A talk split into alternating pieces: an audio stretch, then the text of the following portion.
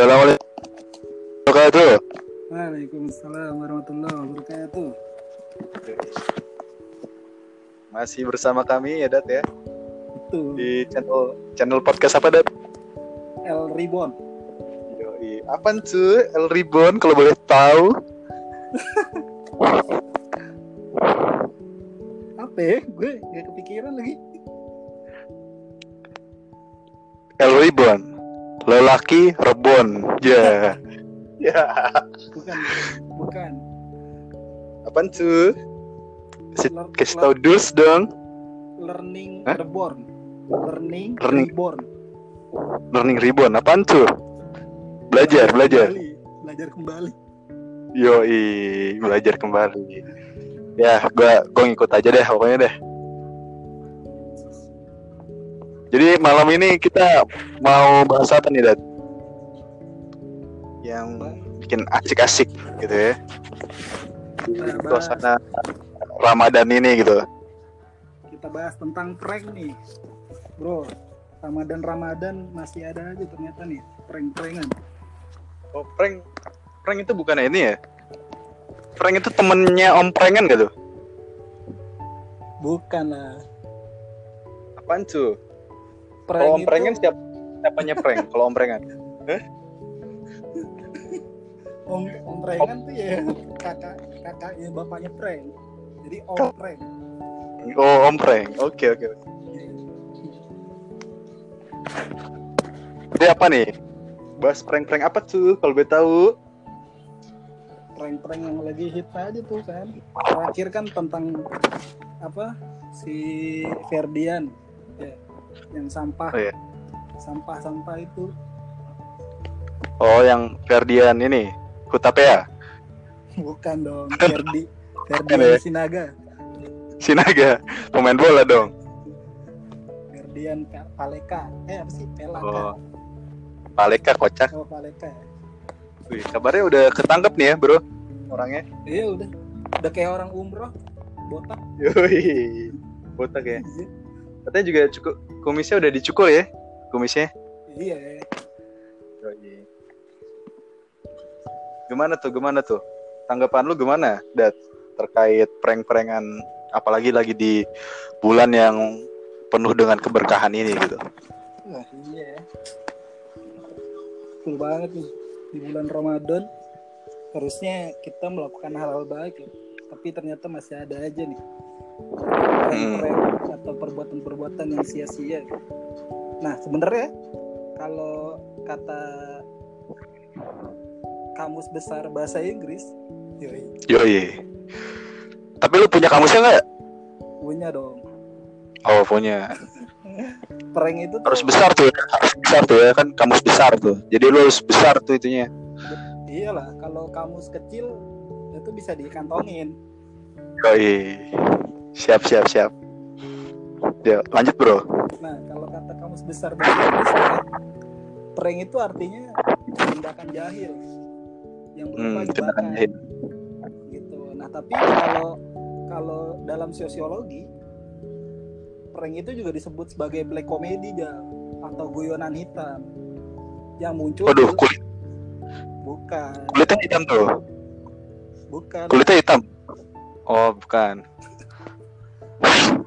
Lanjut lanjut lanjut. Nah itu tuh muncul eh, pas situasinya lagi nggak nyaman, tertekan gitu, sehingga muncullah ide untuk meringankan keadaan. Jadi tujuannya itu itu utuh. Kalau dalam sosiologi, prank itu. Hmm. Nah, ada lagi nih. Kalau dalam kalau kata dosen psikologi di Universitas Nahdlatul Ulama Indonesia, Yoi. dia tuh mengatakan Kuliah di situ lu. Lu kuliah di situ? Gue baca artikel aja artikel. Wih, Mantap, mantap. ya kan? Nah, Lanjut, Bor. nah kalau kata dosen psikologi di Unis Unusa eh Unusia Universitas Nahdlatul Ulama Indonesia gitu ya. Hmm. Prank itu dalam sejarahnya identik dengan kegiatan lelucon jal, di mana ditujukan untuk membuat penontonnya merasa senang. Gitu. Hmm. Nah, Tapi dengan cara apa pun tuh ya, senangnya tuh ya. nah, Begitu? Apa apa enggak? nah itu dia bro. Nah kalau Kenapa tuh? kalau misalkan ya prank itu dilakukan dengan tujuan sebatas menghibur, nah harusnya ada dua pihak yang menghasilkan emosi positif yang sama jal, yaitu merasa terhibur dari yang ngelakuin prank sama yang di prank. Gitu. Kalau apa namanya kalau nggak dua-duanya menghasilkan emosi positif yang sama, nah itu yang bahaya tuh. Oh, jadi harus ada kalau bahasa biologinya simbiosis mutualisme ya. Jadi lu terhibur, gue terhibur, lu senang, gue senang, Betul. kayak gitu. Jangan jangan mau enaknya doang ya. Nah, Habis manis, sepah di didaur ulang. Iya. Iya. gitu. karena kan hiburan tujuannya menghasilkan rasa bahagia Jal.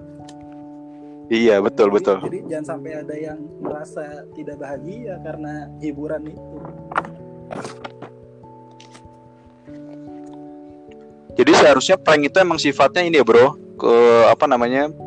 punya sisi terhibur di kedua pihak gitu ya. Kalau yang kita dapetin nih apa tadi dari definisi-definisi yang lu udah kasih kayak gitu. Bener ya? Berarti kayak gitu ya? betul jadi kesimpulannya tuh prank prank itu ya hiburan gitu tapi balik lagi kalau itu hiburan seharusnya dua belah pihak yang merasa terhibur jangan sampai hanya salah satu pihak aja gitu Oke oke oke oke oke. Tapi gini bro, ada juga nih ya yang namanya kita hidup di warga plus 62 ya. Terkadang sesuatu yang negatif itu pun ada pendukungnya gitu dah. Maksudnya gini, kalau yang gue pernah baca-baca nih ya, ada yang mendukung juga nih. Bahasanya di bulan Ramadan kan itu kalau tidak salah kan ini ya ngepranknya kan waria ya bro ya.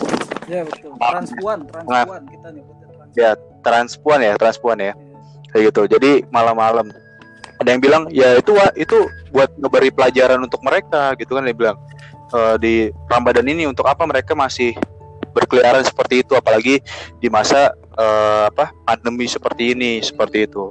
Ada yang bilang ibaratnya biar memberikan efek jerah. Nah menurut menurut lu nih kan lu kan orang BK nih bro ya orang BK ya BBK Leo Iya bukan ya bukan BBK Leo ya Burger King Gue Burger King ya. Tapi gue gini bro, terus ngomong-ngomong Burger King ya, gue bingung lah. Kan katanya namanya Burger King ya. Tapi kenapa kalau misalnya gue nengok isinya Queen Queen gitu kan? Iya, Astagfirullah. ya itu intermezzo dikit lah. Ya gimana bro pendapat lu? Katanya kan ada yang bilang ini, ya udah itu biar memberikan efek jerah gitu pranknya kepada terutama kepada para eh, kepada para transpuan kayak gitu. Gimana bro? Sisi dari lu sebagai orang bimbingan konseling. Nah, ini menarik nih ya. Hmm. pertama, gue mau ngasih tahu dulu nih perihal apa namanya tingkah laku manusia itu eh, berkembang, mau itu baik, mau itu nggak baik, itu karena dalam interaksinya dengan lingkungan mendapatkan penguatan jal. Gitu. Nah, Hmm. boleh jadi fenomena prank-prank ini terjadi di Indonesia atau bahkan uh, youtuber-youtuber Indonesia melakukan prank ini karena ketika dia ngeprank itu Hmm. mendapatkan penguatan tuh dari lingkungan entah itu penontonnya banyak gitu Hmm. menghasilkan duit yang banyak kan kalau di YouTube Iya. Gitu ataupun yang lain-lainnya Hmm. sehingga apa namanya dilakuin lagi di prank-prank padahal kan sebelumnya udah ada tuh kasus-kasusnya yang ngata ngeprank ojol ya kan, Hmm. dan sebagainya nah Hmm. itu pertama jadi memang tingkah laku itu bisa berkembang gitu ya karena memang ada eh, penguatan dari lingkungan sekitarnya gitu Hmm. Jadi bahasanya ada yang ngedukung gitu ya, Dat ya, berarti ya. Ya emang kadang-kadang ini menjadi suatu ini ya bias gitu ya di masyarakat bahwasanya ya yang namanya suatu statement ya ada yang mendukung, ada yang tidak gitu ya. Cuma kan kita melihat lagi ya bahasanya eh, terkadang kan ibarat kata kita itu kalau dalam mengingatkan manusia kan alangkah baiknya gitu menggunakan cara yang baik dulu gitu ya bro ya Iya. bahasanya kan ya dengan cara teguran dulu mungkin ibaratnya kalau andaikan dengan cara seperti itu ya menurut gue sih emang kurang tepat ya bro. Apalagi misal di bulan Ramadan ini ya kan ibaratnya emang syarat kita memberikan eh, kebaikan lah kepada Betul. sesama manusia terutama di masa corona seperti ini gitu. Jadi seakan-akan ya walaupun tujuannya mengingatkan tapi menurut gua pribadi ini masih belum pada tempatnya seperti itu. Apalagi kan orang yang ibaratnya walaupun itu transpuan kan eh ini ya apa namanya berharap itu kan eh apa suatu bantuan gitu ya hingga tak hingga pas dibuka isinya sampah kayak gitu gitu sih bro kalau yang gue lihat tuh jadi emang mengingatkan tapi kalau anda mengingatkan kan orang dalam pengakuannya mengingatkan nih tapi kurang tepat ingatannya Nah. gitu Betul dalam Bro. mengingatkan juga kita tuh juga harus mikirin emosi eh, lawan kita yang mau kita ingetin jal gitu. Hmm. Karena kan Iya, kalau kayak betul. gini kita nggak nggak apa namanya nggak mikirin emosi dia tuh. Maksudnya kita nggak prank nih, kita nggak mikirin tuh psikologi dia. Habis kita prank tuh dia bakal apa, ya kan?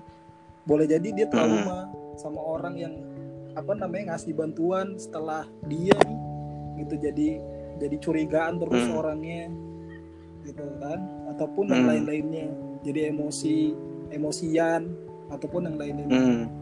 iya gitu karena kalau di BK gue belajar namanya defense mechanism tuh jal atau mekanisme pertahanan diri jadi ada Yoi. ada apa namanya eh, di defense mechanism ini karena si orang atau si korban ini nggak punya power untuk membales gitu ya akhirnya dia apa namanya mengalihkan emosinya itu ke orang yang lebih lemah.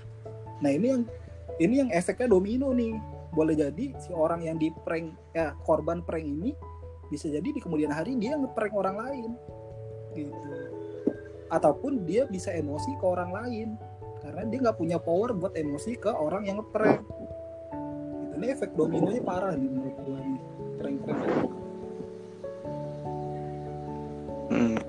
Tapi yang gue bingung malah orang Indonesia suka gitu ya bahasanya sesuatu yang bersifat jahil gitu ya atau eh, ini udah menjadi mindset ya. Jadi eh, ibarat kata kita senang nih melihat orang itu sulit ya. Ibaratnya kalau prank itu kalau yang gue lihat kayak ibaratnya nggak tahu sih kalau youtuber itu kan mungkin kayak udah ada yang disetting ya kayak gitu kan ibaratnya itu sebenarnya tujuannya untuk ya sarana hiburan gitu ya. Gue nggak tahu kalau itu udah disetting apa belum. Tapi kalau yang nggak disetting gitu ya gue ya kasihan aja gitu ya ibaratnya kalau kita nggak tahu psikologis orang misal contoh kita mau ngeprank gitu ya apalagi tujuan kita wah kayaknya abis di prank dia mungkin ketawa-ketawa. Eh kalau misalnya hasilnya nggak sesuai dengan tujuan kita kan gimana ya ibaratnya itu bisa mengganggu psikologis orang gitu ya. Kayak gue ngelihat suatu video ya di Instagram lucu sih sebenarnya ini udah di dubbing videonya. Jadi dia tuh ngeprank dengan cara apa? Orang lagi jalan gitu tuh terus di apa lu tahu kayak trompet tahun baru nggak? Cuma yang kata make gas itu tahu nggak lo yang bunyinya kencang Nah itu dibunyiin ke kupingnya.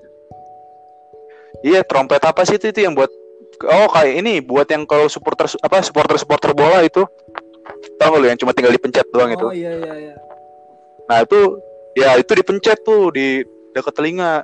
Alhasil apa?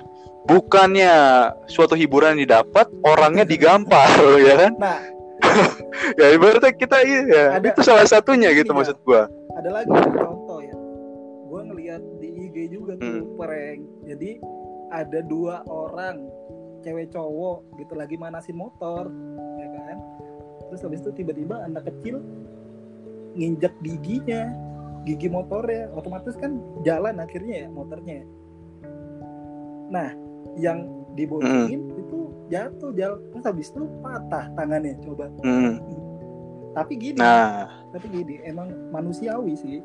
Kita apa namanya senang gitu ya ngelihat sesuatu hal yang lucu walaupun itu tuh harus ngorbanin orang lain. Itu manusiawi tapi yang gak jadi manusiawi kalau berlebihan gitu. Dan menurut gue udah- ini tuh udah berlebihan. Iya. karena nggak mikirin Hmm. empati. Kita tuh nggak udah nggak punya rasa empati lagi jadinya. Iya. Betul betul betul. Ngerinya efek domino gini ada ya. Andai kan maaf banget nih. ada orang yang mau ngasih sesuatu ke transpuan juga gitu ya mungkin ya ya udah mikir ibaratnya mungkin karena ngelihat ya video prank yang sebelumnya ini ya jadi nggak mau menerima gitu kan bahasanya ataupun misalnya kayak nggak usah ke transpuan lah contoh ke bantuan-bantuan lainnya ibarat kata timbulnya rasa suzon ya bener ya ibarat kata kalau ada hal-hal kayak gini contoh gini dat paling kecil kalau gue sih gue nggak tahu prank-prankan. Sebenarnya bukan ngeprank sih jatuhnya sih. Ini lebih ke arah ngebegal kali ya. Ke arah uh, nipu. Contoh misalnya gini dat kayak pernah ada kisah di daerah gue tuh ya. Gue nggak mau nyebutin daerahnya lah. Ya inisialnya Tangerang. Ya itu nyebutin ya. Ya jadi ya jadi pernah ada tren begal itu modelnya itu ini. Dia uh, ibarat kata kayak orang yang kecelakaan gitu dan kan kita punya rasa empati nih bener gak? Bahasanya udah bukan simpati lagi. Kan kalau bahasanya kalau dalam psikologi kan kalau simpati itu ibarat kata kita cuma ngerasa wih kasihan gitu ya. Tapi nggak ada suatu tindakan. Kalau empati kan kita udah bertindak ya kan ya? Udah menimbulkan suatu perilaku eh nih em skripsi gue tuh ya perilaku ya. Nggak perlu ini sih nggak perlu bertindak. Dia tuh lebih ke arah dia, oh dia masih belum. dia uh, minimal tuh dia ikut merasakan gitu. Kalau simpati hmm. hanya kasihan. Nah kalau empati itu ikut merasakan iya. ikut merasakan ya.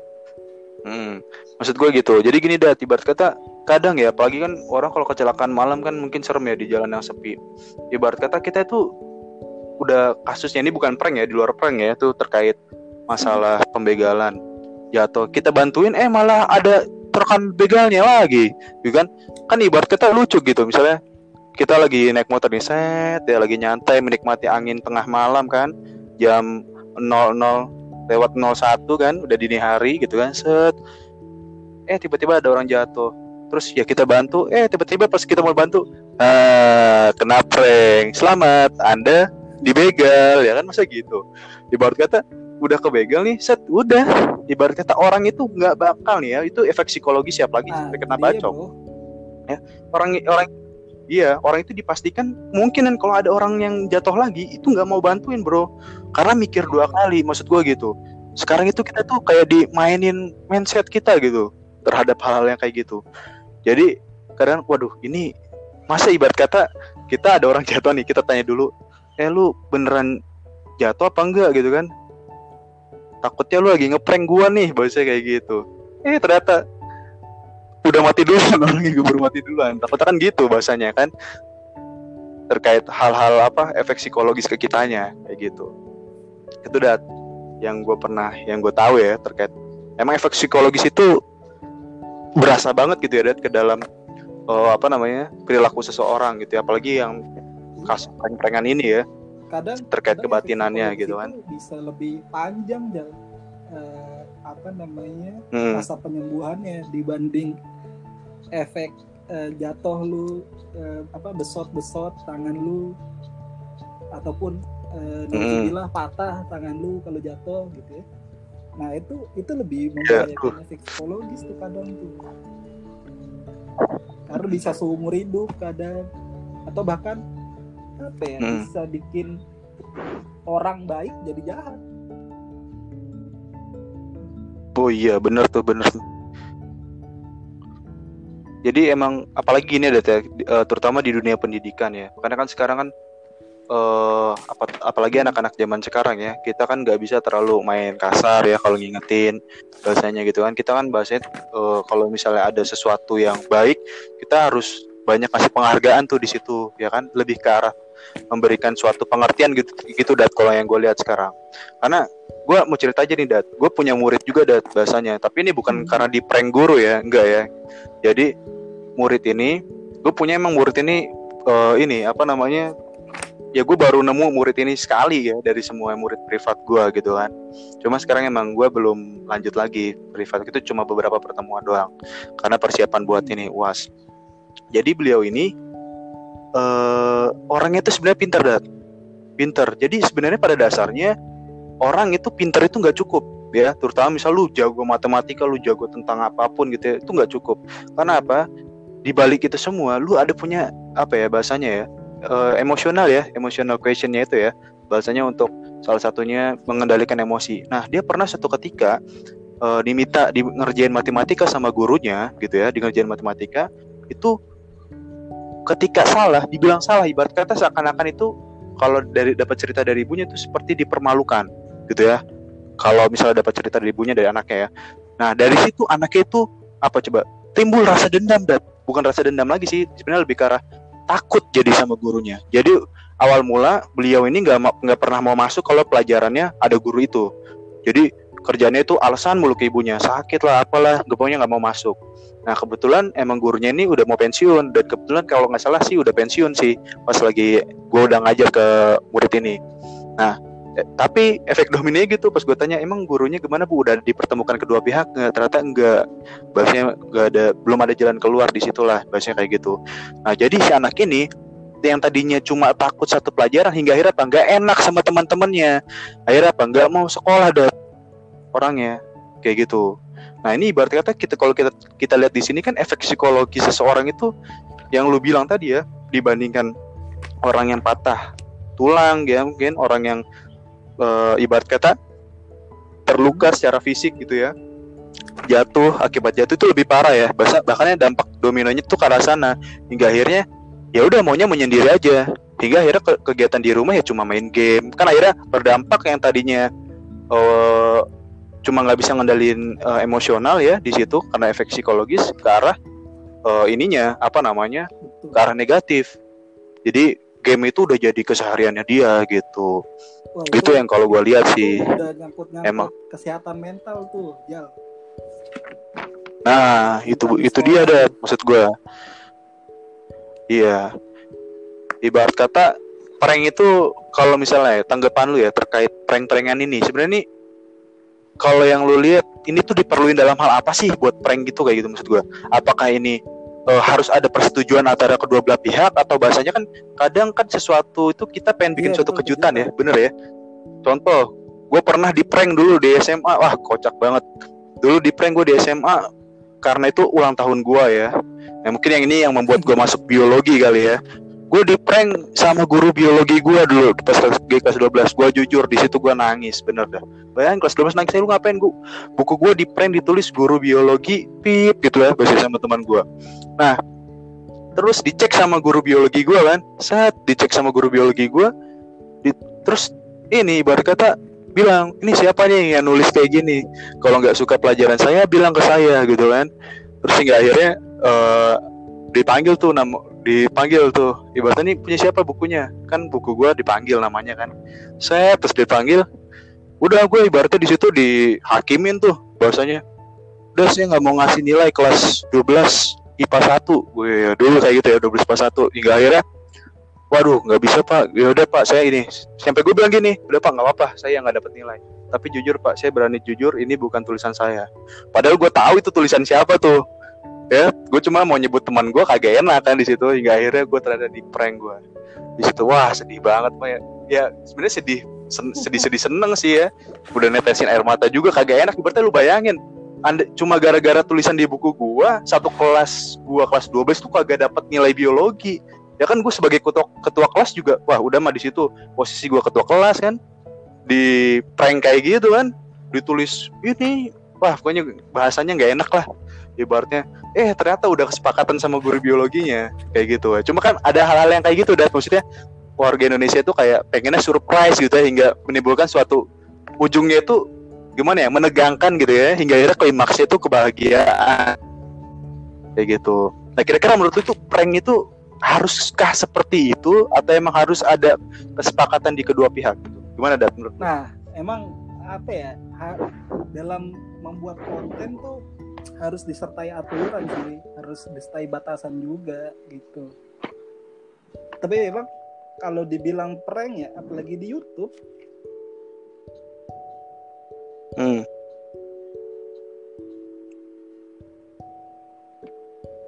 Gimana tuh? itu mesti itu yang tadi nih, yang gue bilang perihal kita tuh mesti harus disertai aturan dan juga batasan. Jadi jangan sampai gitu ya.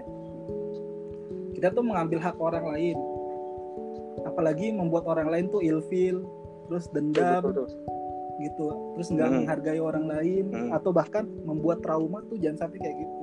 Dan yang setahu gue di luar negeri itu prank-pranknya itu udah udah apa namanya eh, settingan jadi deal-dealan gitu deal-dealan maksudnya Hmm. deal-dealan tuh udah direncanain lah Hmm. sama korbannya jadi memang pure untuk apa namanya untuk menghibur lagi-lagi. Gitu. Tapi tetap sih gue nggak setuju. Karena kan penonton kadang nggak tahu kan. Gitu. Apakah emang tuh settingan atau Iya iya benar-benar. gitu. Dan ak- akhirnya kalau di Hmm. apa namanya dilakuin sama orang yang nggak tahu kalau itu sebenarnya udah ada persetujuan dulu sama orang yang di prank nanti malah fatal eh, akibatnya. Jadi Hmm. mending apa ya bikin konten-konten lain lah kayak misalnya challenge challenge apa kayak gitu karena gini menariknya nih ya gue pernah baca kutipan dari Mr. Bean nih kalau untuk kutipan itu gini apa tuh? untuk membuat suatu candang itu perlu kejeniusan jadi untuk membuat orang tertawa itu tidak mudah dan dibutuhkan kecerdasan Jan. bukan hanya sekedar humor yang tidak jelas tapi di situ Hmm. harus ada pesan tersembunyi dan permainan psikologis yang cerdas gitu kata Mr. Bean Oh. Jadi komedi itu juga harus cerdas gitu ya, Det ya. Bahasanya nggak yang sekedar lucu sementara gitu kan atau yang lucu yang Iya, belak-belakan gitu maksudnya. ya harus sama Ya kan? happy balik lagi sih yang ngeprank happy yang di prank juga happy Yo yo Hmm. Ya udah nangkep. Jadi bahasanya udahlah ya kalau Dekan mau bikin komedi kayak gitu maksud maksudnya ya yang sewajarnya aja gitu kan. Mungkin kan lu dengan stand up komedi gitu ya, Dat ya. Stand up komedi itu bisa ya itu kalau andaikan ibarat kata eh, dalam hal lu mau langsung terkait untuk menghibur orang ya kan di situ. Nah, mungkin kalau andaikan bikin ya tadi mau bikin prank-prankan kayak gitu, mungkin udah kesepakatan ya antara kedua belah pihak. Kalau bisa ya eh, tidak ada yang dirugikan antara komponen satu dengan komponen yang lainnya gitu kan. Kalaupun misalnya mau ngeprank-ngeprank gak jelas gitu ya cukup pribadi aja gitu kan. Misal nih, lu kan ya misal menjelekkan diri lu sendiri dat ya kan. Biasanya kan yang jelek yang jelek Iya, lu doang gitu kan, biasanya kayak gitu. Ya, yang, yang Yo, dengan iya udah berdamai sama diri lu kan. Urusan eh, harga pasar turun mah, ya itu urusan lu gitu kan ya. Iya. gitu. Terus kira-kira solusinya apa nih bro yang masih membandel nih buat ngeprank-prankan kayak gini nih? Terutama nih gue liat bocah-bocah nih, ya udah apa skillnya lebih dari kita ya dulu ya. Perasaan gue dulu kalau pas lagi remaja tuh ya, pas lagi apa namanya kecil dulu mainannya kan bola ya. Dulu kan zaman gue masih ada daerah gue masih ada lapangan bola tuh. Jadi kerjaan anak-anak gue tuh nentengin bola ya, ngajakin kalau bahasanya dulu ngadu, ngadu. Kalau daerah gue tuh namanya ngadu. Ngadu itu jadi eh, apa namanya eh, main bola gitu. Tapi kayak istilahnya sparring, tapi gue nyebutnya ngadu. Nah, ngadu set kalah pulangnya apa? Ribut ya kan, ribut sampai emak-emaknya keluar. Nah, dulu kayak gitu tuh. Nah, sekarang gue lihat anak-anak kok kayaknya mainnya nunduk semua gitu ya. Jadi kerjaannya itu dulu itu ada dat datangnya Peru. Kalau dulu ya komunikasi kita ya bahasanya datang ke rumah tek tek tek Rijal main yuk ya kan. Ini gue rasa anak-anak tuh dulu pada ngerasain kayak gini dipanggil Mikdat main yuk. Sekarang kan udah apa? Via WhatsApp ketemuan. Eh ketemuan nunduk nunduk juga gitu. Ini gimana dat ngeliat fenomena ini dat apalagi yang kecil-kecil udah sembari apa udah sambil ngeliat prank-prankan. kalau dari gua sih ini juga ini ya gua ngutip dari eh apa namanya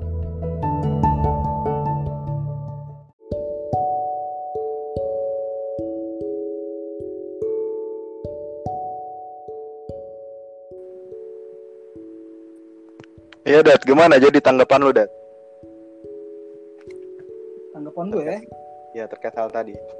nah ini gua ngutip dari buku ini jal apa namanya kesehatan mental di sekolah yang pernah gue Hmm. baca ya kita harus membangun iklim sosio emosional anak-anak di lingkungannya jal maksudnya Hmm. kita bangun tuh iklim eh, kehidupan di lingkungan itu secara fisik, emosional, sosial maupun juga moral spiritualnya tuh. jadi di lingkungan rumahnya atau di lingkungan bermainnya ya kita contohin dulu. Kita bangun tuh kebiasaan-kebiasaan untuk akhirnya kita berbuat baik. Gitu kita tunjukin yang salah yang kayak gini yang bener kayak gini. Yang perbuatan sia-sia kayak gini yang perbuatan gak sia-sia tuh yang kayak gini atau yang bermakna tuh kayak gini. Gitu daripada kita ngelakuin hal-hal yang sia-sia mending kita ngelakuin yang bermakna. Nah itu perlu kita buat iklimnya dan memang seluruh stakeholder harus berperan di dalamnya entah itu orang tua entah itu teman uh, apa namanya uh, lingkungan di rumahnya RT mungkin ataupun tetangga-tetangganya hmm. ataupun kalau dia di sekolah ya guru-gurunya itu juga diajarin supaya akhirnya membangun sosial emosional yang baik untuk anak-anak nah ini sih yang apa ya, yang belum aware mungkin ya kita sebagai uh, warga negara atau sebagai orang tua sebagai kakak sebagai adik sebagai abang untuk akhirnya membangun sosio emosional ini gitu. Oke oke oke. Jadi ada peran juga ya dari masyarakat ya untuk sosio emosional. Yo. Betul. Itu, itu istilah baru ya. Yo. Lu baru bikin ya? Baru bikin. Enggak. Yeah. Itu, itu udah ada di buku. Itu udah ada di buku. Oke oke oke. Jadi bahasanya emang uh, masyarakat ini berperan banget ya terhadap emosional berperan, berperan. biar akhirnya ya. biar akhirnya anak-anak tuh paham jal ketika ada video-video prank kayak gini itu tuh pastinya dihindari atau diikuti hmm. Gitu jadi Tapi... ketika ketika datang ujian ujian masalah-masalah pun si anak tersebut tuh bisa mengatasinya gitu Oke oke benar. Berarti emang seharusnya ya, ya kalau gue lihat ya sumber informasi sekarang itu kan dari handphone ya, bener nggak tuh? Ya kan? Dari handphone, ibaratnya mudah banget ya kita pengen tahu informasi. Justru apa ya? Bahkan kadang-kadang informasinya itu lebih tahuan adik kita dibandingkan kita ya, terutama berita-berita ya tentang kekinian-kekinian lah bahasa kayak gitu. Emang kayaknya harus mana ya? Anak itu terutama yang masih dalam perkembangan yang masih kecil gue sih kalau gue ya gue pribadi ya rada kurang setuju anak itu udah langsung dikasih handphone bro ya misal masa-masa kecil kecuali kalau udah masa-masa emang anak itu membutuhkan untuk uh, apa namanya komunikasi tapi tetap itu emang dalam pantauan orang tua juga kalau menurut gue bro karena kalau gue lihat nih anak-anak kalau andaikan terus di apa namanya di biarin gitu aja tuh kayaknya dia malah semakin menuhankan handphonenya dia gitu ya. Apa-apa disuruh jadi susah ya kan? Kayak gitu. Kalau gue lihat-lihat kan anak-anak zaman sekarang gitu ya. Kayaknya handphonenya malah udah udah lebih keren dari kita ya dat handphonenya. Betul. Tapi kadang anak-anak kan mencontoh jauh dia. Iya sih benar-benar. Tipe yang mencontoh kan hmm. betul betul betul. Jadi ya mungkin ada peran lingkungannya lagi-lagi yang membuat dia seperti itu. Hmm. benar-benar benar apalagi ini ya sekarang tuh mudah banget. Kalau gue lihat sekarang tuh tempat nongkrong itu udah kalau zaman dulu. Gue lihat tempat nongkrong tempat nongkrong itu di warkop ya tempat nongkrong di, di Wedang gue tuh gue rasain banget tuh dulu tempat nongkrong gue di warkop. Ya mungkin kalau ada yang nyebat nyebat ya kan ya itu kan kayak gitu. Ada yang juga di Wedang. Tapi kalau gue sekarang tempat nongkrong di mana coba? Ya di wifi tetangga bro. Ya kan ya ya gak apa? Wifi tetangga diubah passwordnya bingung gitu. Diubah passwordnya baru dah. Ibaratnya nanya-nanya lu dan udah tahu belum? Dan yang tahu? Udah jadi bahasanya itu nongkrongnya itu di situ gitu kalau dulu perasaan zaman kita nongkrong itu kita nyari tempat yang yang kalau gue yang rasain ya makanannya lumayan enak harganya murah dan tem ada tempat duduk lesehannya. Nah itu yang zaman dulu. Sekarang itu kayaknya udah berubah banget ya bahasanya. Uh, tongkrongan tuh ya apa kalau misalnya nyari yang tempat kayak gitu tongkrongannya yang ada wifi-nya paling ya kan ya iya pasti itu kebutuhan ya, wifi udah jadi kayak kebutuhan primer sekarang. Betul betul. Jadi emang harus apa sosial apa emosional ya dat ya? Sosial emosional mesti dibangun. Tapi kalau gua rasa emang harus dari ya ibaratnya kan madrasah pertamanya kan keluarga ya ibu Betul. ya. Betul. jadi emang kalau menurut gua iklim pertama yang harus dibentuk tuh dari keluarganya dulu kali ya. Jadi benar baru benar. bisa ngebangun suatu harmonisasi di anaknya hingga akhirnya minimal anak yang sehat yang dikasih itu diterima maksud gua kayak gitu Jadi- iya su- supaya si anak itu bisa menginternalisasi hal-hal yang baik Hmm. Nah, baru kalau udah kalau menurut gua kalau di keluarganya sudah baik, ya kalau andaikan di luar tuh eh, apa namanya? Ketika bermain dengan masyarakat dan punya pengaruh negatif, kita udah tahu mana yang apa namanya? Mana yang salah, mana yang benar. Biasanya kayak gitu kan ya. Jadi Iya, kita nggak nggak ngikutin yang salah. Maksud gua gitu. betul Gitu karena manusia tuh eh, penghasil dan sekaligus hasil dari lingkungan aja Betul, betul. Betul banget tuh. Emang pengaruh banget ya bahasanya. Kalau misal gue belajar dulu tuh teori pembelajaran ya kan. Kalau dalam motivasi, kalau belajar kan istilahnya ya, lu kalau cari dah nanti di UU tentang istilah pendidikan. Pendidikan atau belajar itu istilahnya adalah awal katanya itu unik banget. Ya ini persis banget yang dosen gue pernah dosen gue pernah bilang. Ya. Jadi belajar itu adalah suatu usaha sadar ya. Jadi bahasanya berarti proses pembelajaran itu artinya adanya usaha sadar kita ya yang namanya usaha kalau kata orang fisika nih ya ini gue inget-inget dulu nih rumusan nih ya kalau kata orang fisika itu W itu sama dengan F kali S jadi usaha itu adalah gaya dikali eh, perpindahan bahasanya kalau andaikan lu itu eh, gak ada suatu perpindahan berarti lu tuh belum ngelakuin suatu usaha gitu jadi bahasanya yang namanya belajar ya ada proses yang tadinya belum tahu menjadi proses tahu. Nah, itu menjadi proses pembelajaran menurut gue gitu. Jadi emang kalau misalnya dalam motivasi belajar tuh ada motivasi internal, itu motivasi eksternal. Tapi yang gue tahu motivasi internal ini adalah eh, pengaruhnya itu lebih besar. Maksudnya lu percuma lu jat, jat, jatuhnya gini dat, ibarat kita kalau motivasi eksternal. Orang tua lu misalnya orang yang punya salah satunya udah ngasih akses misal contoh ya apa ruang guru ya yang lagi ngetren ya contoh ya Mhm. ruang guru udah dikasih paket ibarat pembelajaran unlimited lah bahasanya lu nyampe lulus di situ lu mau ngeliat video apa aja pokoknya lu mau belajar tuh bisa. Itu kan ibaratnya dikasih motivasi eksternal. Ruangan kamar lu udah dikasih AC komputer lu udah make core i, i sekarang udah i berapa sekarang ya? Eh, core i. di seven lah. Di seven ya? Di seven yang gener- generasi gener- terbaru. terbaru. Ya kan? Bahwasanya keyboard udah pakai keyboard gaming ya kan? Mouse sudah pakai mouse gaming. Itu malah main game ya jadinya Lu tuh udah didukung banget. Wifi kenceng dah ibarat kata. Lu kalau andaikan ini ya download film Korea itu satu detik kali ya. Itu misalnya contoh ibarat kata wifi-nya kenceng banget ya. Download film Korea gitu ya. Eh bukan film drama Korea lah. Kalau nggak yang berapa episode cuma dalam waktu satu menit misalnya. Itu udah didukung dari eksternal. Tetap kalau motivasi internalnya itu gak ada menurut gue emang ya rada kurang gitu. Tapi emang salah satunya suatu perilaku itu emang dihasilkan dari suatu pembiasaan. Gitu ya Det ya? Iya Kalau dan memang dan memang eh, sosio emosional ini bukan hanya satu bentuk bentuk fisik misalkan yang tadi lu pemenuhan barang gitu. Tapi bukan cuma itu tapi ada lainnya ada lain lainnya yaitu emosionalnya betul betul. sosialnya terus juga moral spiritualnya. Itu juga harus kita penuhi. Jadi jangan sampai cuma salah satunya gitu. Kalau cuma salah satunya ya itu bakal balik lagi mereka condong atau nyaman ke situ aja nantinya. Dan yang lain-lainnya segi-segi lainnya boleh jadi itu tetap buruk gitu. Hmm. betul betul betul betul. Jadi kita kembali lagi ke konsep prank tadi. Ya berarti ibarat kata andaikan kita mau membuat suatu komedi nggak perlu ya pakai yang namanya prank-prankan ya.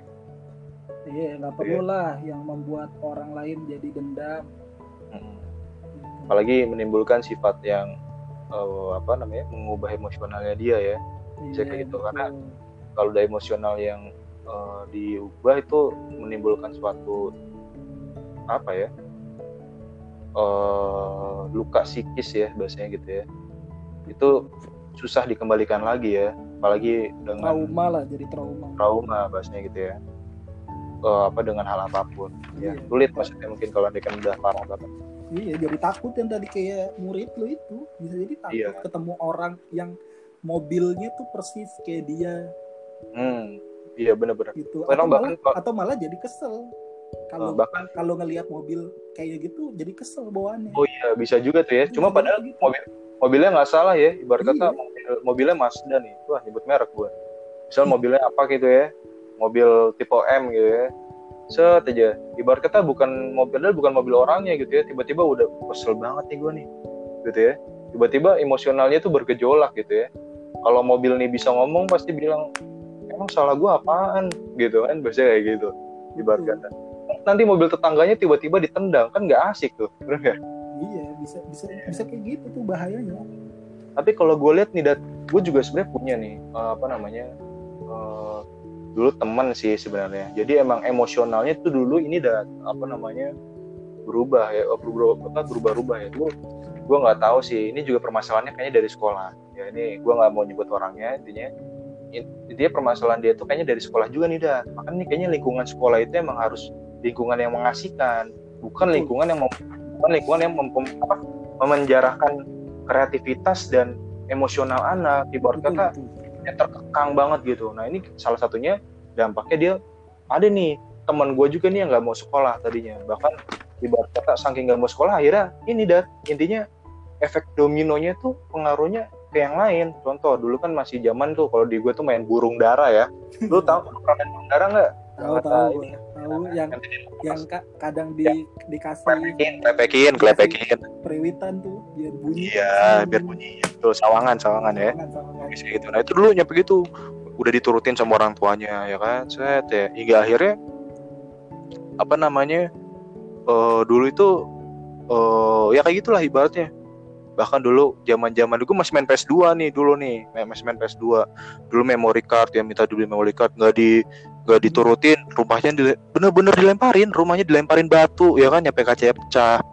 Ya bahkan nih salah satu gue tuh salah satu yang dulu kan masih sering masih kelas berapa ya gue ya SMA apa ya?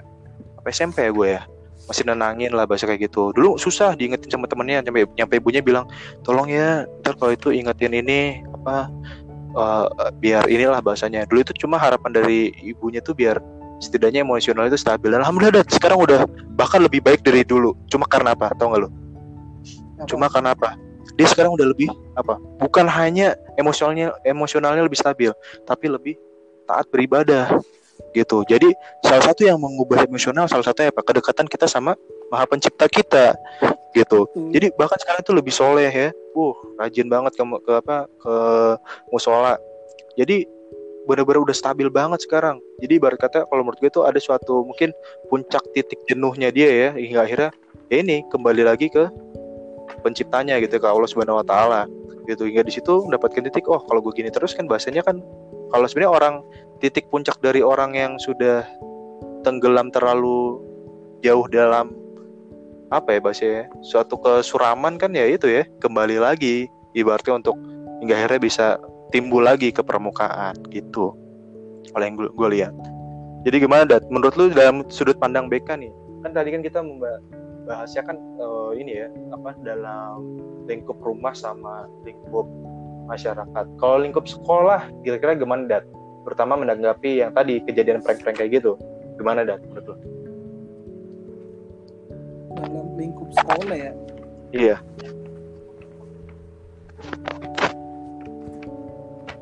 Eh ya pihak sekolah itu harus menciptakan situasi yang eh, yang menimbulkan rasa betah juga buat anak didik.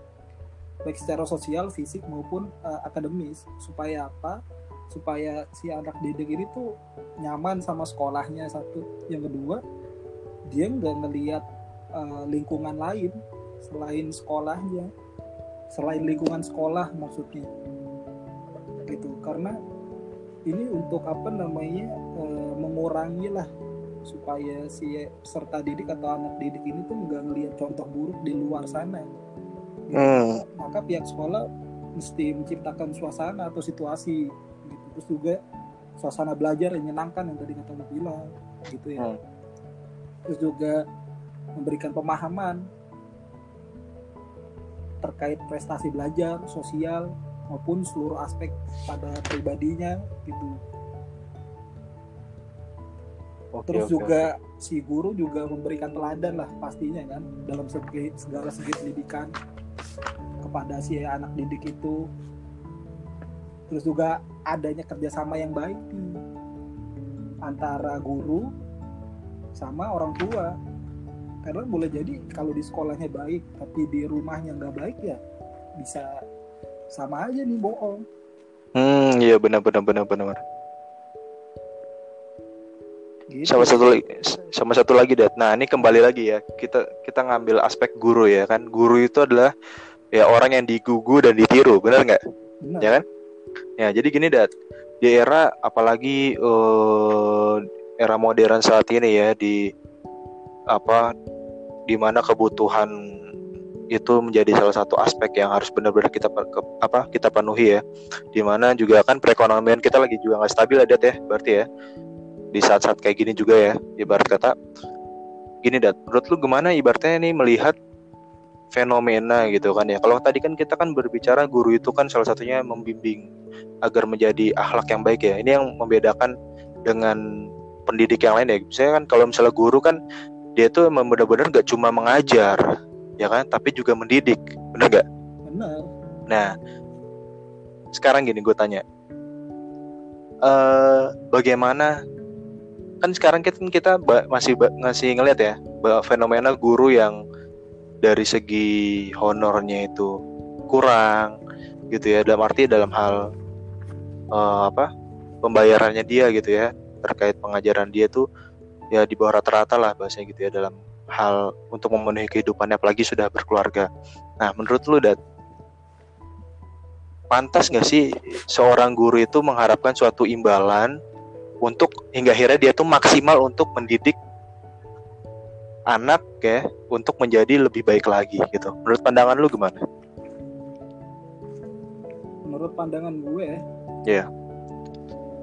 gini eh, sisi manusiawi kita tuh pasti mengharapkan imbalan ya Betul sekali. sesuatu sesuatu hal yang kita kerjakan lah itu kita nggak bisa mengelak ya itu pasti Hmm. mengharapkan imbalan tapi di tapi balik lagi memang gitu. Eh kalau kita terus menerus mengharapkan imbalan ini yang dikhawatirkan gitu ya. Hmm. ini akhirnya menimbulkan nih efek negatif di diri kita.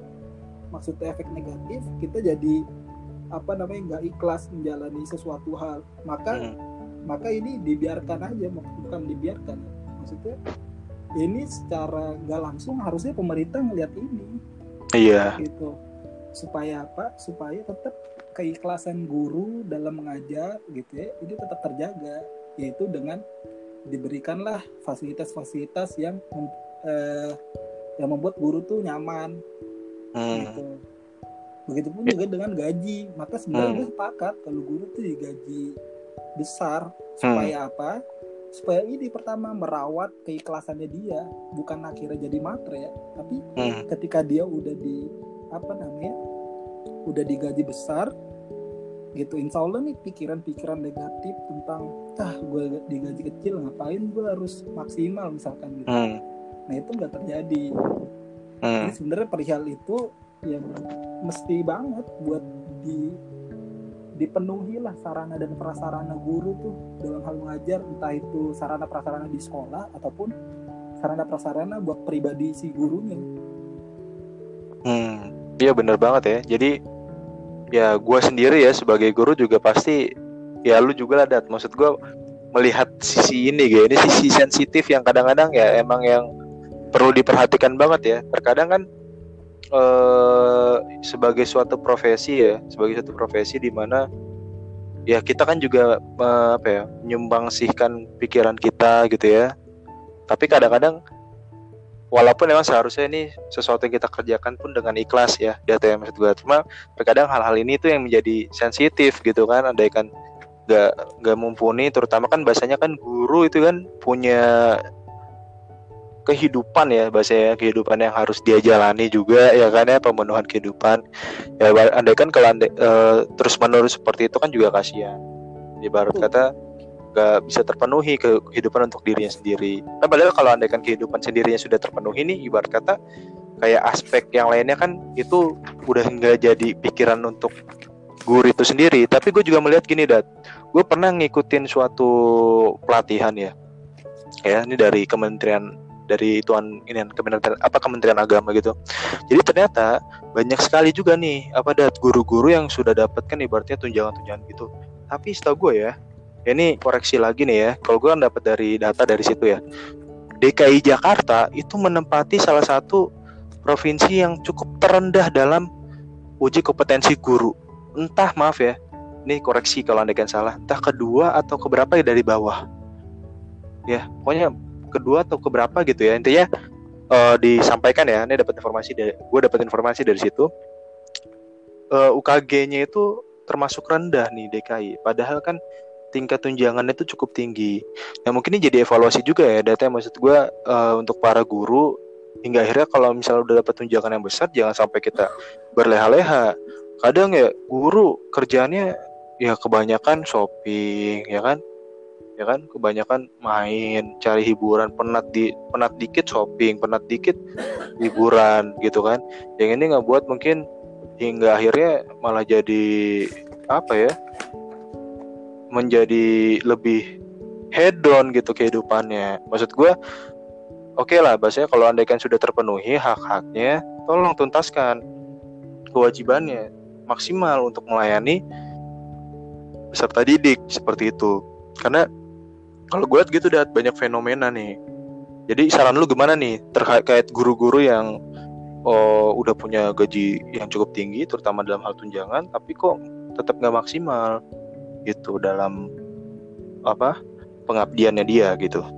Gimana bro? Kalau saran gue sih perlu adanya regulasi sih memang. Kalau di di Singapura nih gue pernah ini kan apa namanya ngobrol sama salah satu temennya manajer beasiswa di tempat gue gitu di Singapura. Anaknya anaknya sekolah di Singapura dan memang beliau tinggal di Singapura. Itu tuh guru di Singapura tuh ya.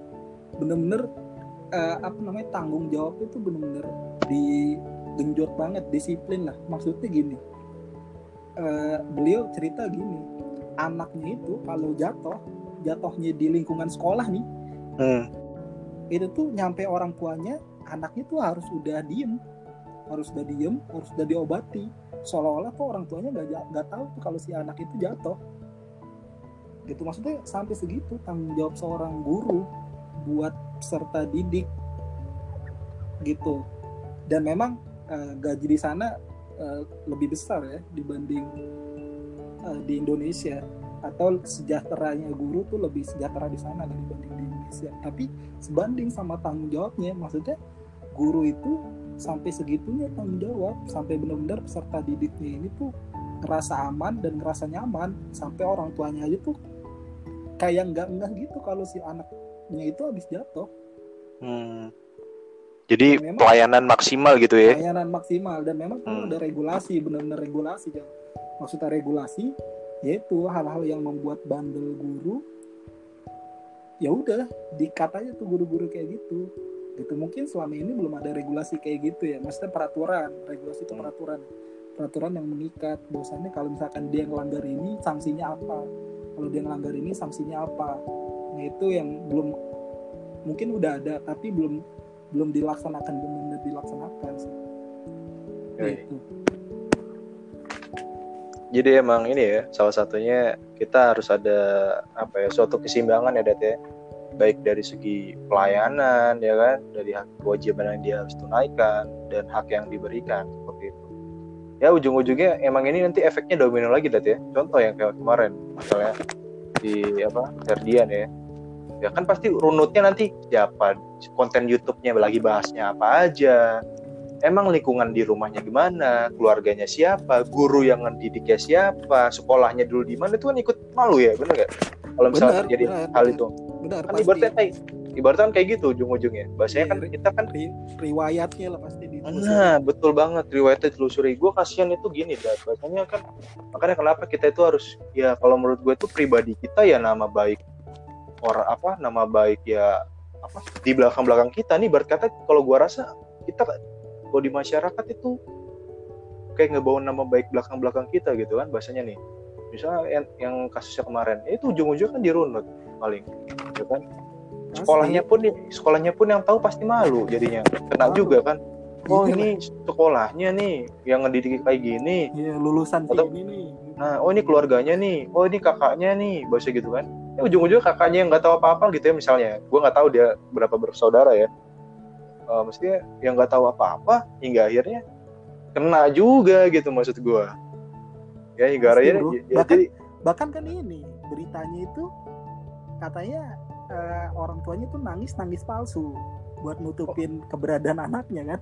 oh gitu. Wah gue nggak tahu tuh kayak gitu. beritanya tuh.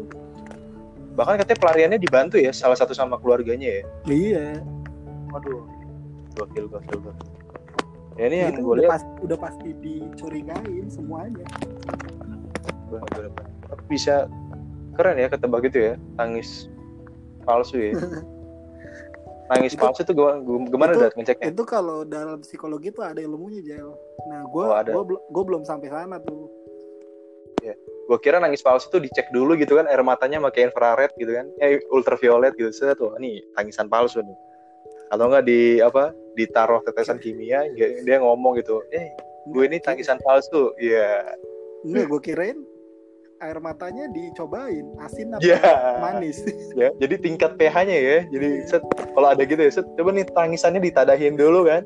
Jadi diukur pH-nya ya. Oh pH-nya ini lebih basah ya ini ini tangisan palsu ini.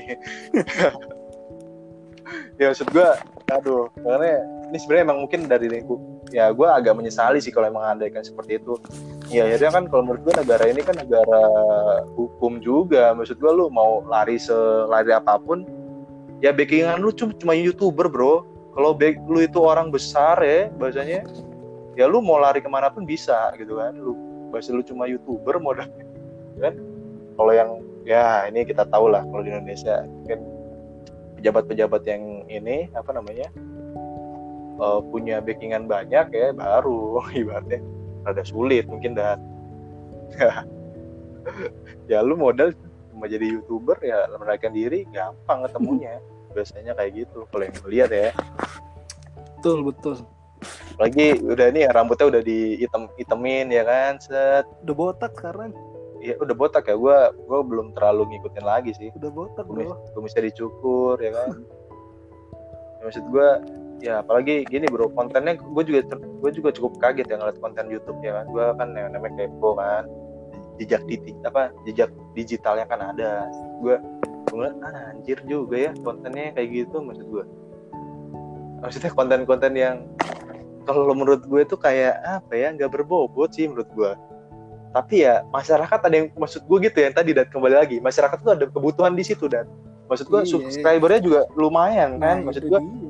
Nah itu ibaratnya dukungan, ada- dukungan lingkungan. nah ada kepenting apa sih ada kebutuhan dia menyalurkan kebutuhan masyarakat yang ingin di situ gitu kan maksud gue ya tersalurkan bahasanya keinginan masyarakat ya kan karena mungkin dia melihat pasar di masyarakat ya ngambil segmentasi yang eh, ke arah sana gitu kan. Jadi emang ya ada yang tergiring juga. Kadang kan kalau andai kita bikin kontennya cuma umum kan masyarakat juga ini ya apa namanya bosen gitu maksud gua. Ngeliat ya gitu-gitu aja. Biasanya kalau bahkan umum kalau segmentasinya mungkin udah lebih diperkecil kan ya dia tuh bisa narik pasar masyarakat yang butuh itu gitu. Gitu sih emang ya susah sih. Dat kalau menurut gua kalau andaikan udah nah ini nanti gua nggak tahu nih nanti nasibnya gimana kan? Di penjara apa gimana akhirnya? Kan udah masuk polisi tuh di penjara sih kayaknya. Apa berapa tahun? Dia kan nggak nyampe sumber hidup kan? Kayak gitu kan? Enggak lah, kocak. 12 tahun katanya paling lama. 12 tahun wah Empat lumayan sampai- juga ya. empat sampai 12 tahun. 12 tahun dari sekarang ya. Misalnya dia kan gua nggak tahu sih dia umurnya berapa kalau dia kan umurnya sama kayak gua nih. Umurnya 23 gua. Udah 12 tahun berarti gue umurnya udah sekitar 35, 35. Wah, udah punya anak gue itu mah udah udah nikah gue 35 tahun mah. Ya anak gue udah udah kuliah kali. Oh iya. Udah kuliah kecepetan kocak gitu mah. Oh, belum ya. Belum lah. Lu aja sekarang masih jomblo kan? Ya Eh, gitu bro. Jadi apalagi yang mau dibicarain? Udah kocak dibuat dibuat satu segmen satu segmen aja. Pertama bahas yang tadi tuh apa namanya prank. Kan ini bahas, bahasan bahasan kita campur. Baru habis itu yang lain gitu jal. Jangan dicampur-campur kocak oh ya ya udah deh. Berarti dicukupi aja ya? Ya cukupi. Ya terima kasih. Eh, saudara Mikdat ya.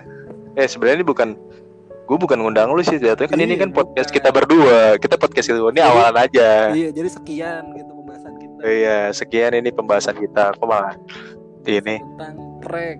Iya tentang prank ya. Dan terutama nih mungkin oh ya satu lagi dat sebelum kita cukupkan kira-kira kan ini kan udah mau 10 hari ya 10 hari lagi 10 malam terakhir Ramadan. Ini kira-kira apa sih dari lu dulu kiat-kiat buat ya bisa memaksimalkan 10 malam Ramadan lah biar nggak diisi dengan kegiatan yang ngopreng-prengan gitu kan? Iya iya. Pertama sih kita mesti nyiapin ilmu dulu yang pertama Jal. Hmm. itu maksudnya ya kita harus tahu dulu ilmunya. Apa aja sih yang bisa kita manfaatkan di 10 malam terakhir? Terus juga yang kedua sebelum itu mungkin kita harus tahu dulu apa sih kemuliaan ya 10 malam terakhir. Gitu. Nah setelah ilmu baru amal tuh. Hmm. baru amal ya karena kalau kita belum tahu ilmunya itu pasti susah untuk apa namanya eh melaksanakan ibadah-ibadah atau memaksimalkan ibadah-ibadah yang harus ada di 10 malam terakhir. Karena kan kebutuhan itu menggerakkan manusia untuk berusaha atau berikhtiar. Gitu. Jadi mesti merasa butuh dulu sih Hmm. Ya, Betul, kita betul, itu betul. sih. Jadi ilmu, jadi yang pertama ilmu, habis itu ya semoga dari ilmu itu kita ngerasa bahwasannya butuh lah untuk akhirnya memaksimalkan 10 malam terakhir Hmm. supaya akhirnya kita bergerak tuh untuk berusaha atau berikhtiar Hmm. dalam rangka memenuhi kebutuhan itu. Gitu sih paling kiat-kiat dari gua. Jadi pertama coba ya baca dulu, baca-baca bukunya, baca-baca buku atau eh, belajar lah untuk apa namanya memenuhi ilmunya dulu. Oke oke oke. Iya sih, sama sih saran dari gua nggak jauh beda. Cuma intinya ya kadang orang itu di 10 malam terakhir itu nggak nggak paham ya, mestinya apa sih yang ngebedain dan apa sih keuntungannya gitu kan. Biasanya lu kan itu kan lebih baik dari kalau misalnya kan kita dapat kan lebih baik dari seribu bulan ya bro ya. Betul. bayangin aja tuh seribu bulan itu berapa salah- tahun? Di, di salah satu malamnya. Iya di salah satu malam ya. Lu kalau infak 100 perak aja lu kali aja tuh. Ibarat kata tuh 1000 100 perak kali itu 1000 bulan kan ya ah gua nggak mau ngitung lah. Puyeng ntar kalau ngitung terlalu banyak ya 1000 bulan ya. Bayangin tuh berapa tahun tuh Banyak 1000 berapa bulan. tahun tuh, coba tuh. Banyak iya makanya udah kan lu dapat keutamaan di situ aja wah. Bahkan ada yang ini ya seorang abang itu pernah apa ngisi tauji juga. Suatu ceramah. Eh intinya beliau itu bahkan hampir hajatnya ya keinginannya itu karena nggak pernah mau ninggalin yang namanya eh, 10 malam terakhir ya. Terutama kan kalau ini kan untuk itikaf ya. Kalau sekarang kan lagi pada minggu berarti kan kita di rumah nih kita maksimal kita maksimalin di rumah. Nah itu hampir ya hajat yang diinginkan tuh terkabul bro. Gitu. Maksudnya ya ini di 10 malam terakhir. Jadi emang ya harus kita maksimalin banget. Karena apalagi kita dapat kemuliaan misal kita dapat benar-benar tuh ya di salah satu malam itu wah udah bahasanya gitu ya. Makanya kan ibaratnya tetap kita maksimalin nih nggak boleh kendor ya targetan-targetan yang kita dapatin gitu ya. Jangan lalai lah bahasanya apalagi di 10 malam terakhir udahlah fokus aja buat ibadah gitu kan. Jangan ada kegiatan ngeprank ngeprank ya kan. Nggak ada untungnya gitu. Maksudnya kayak gitu. Ya semoga kita semua bisa maksimal di 10 malam terakhir di, bul- di bulan Ramadan ini. Kayak gitu. Ya ada lagi dat yang mau disampaikan? Cukup, cukup, cukup. ya. Kalau enggak ya. Kenapa Pantangin terus aja channel ya El Reborn. ya pantengin terus channel El Ribbon Podcast ya. Insya Allah akan diisi oleh kami berdua. Nanti akan mengundang ya pembicara-pembicara yang asik ya yang sans yang skui banget gitu ya. Tuh. yang intinya hidup itu harus sans lur biar terus meluncur iya. Ya iya kita harus sans lur dan tetap meluncur ya gitu ya ayo meluncur gitu ya ya udah kayak korigor gue Gak jelas banget hidup lu. ya udah sekian dari kami. Kurang lebihnya mohon maaf. Wassalamualaikum Warahmatullahi warahmatullahi wabarakatuh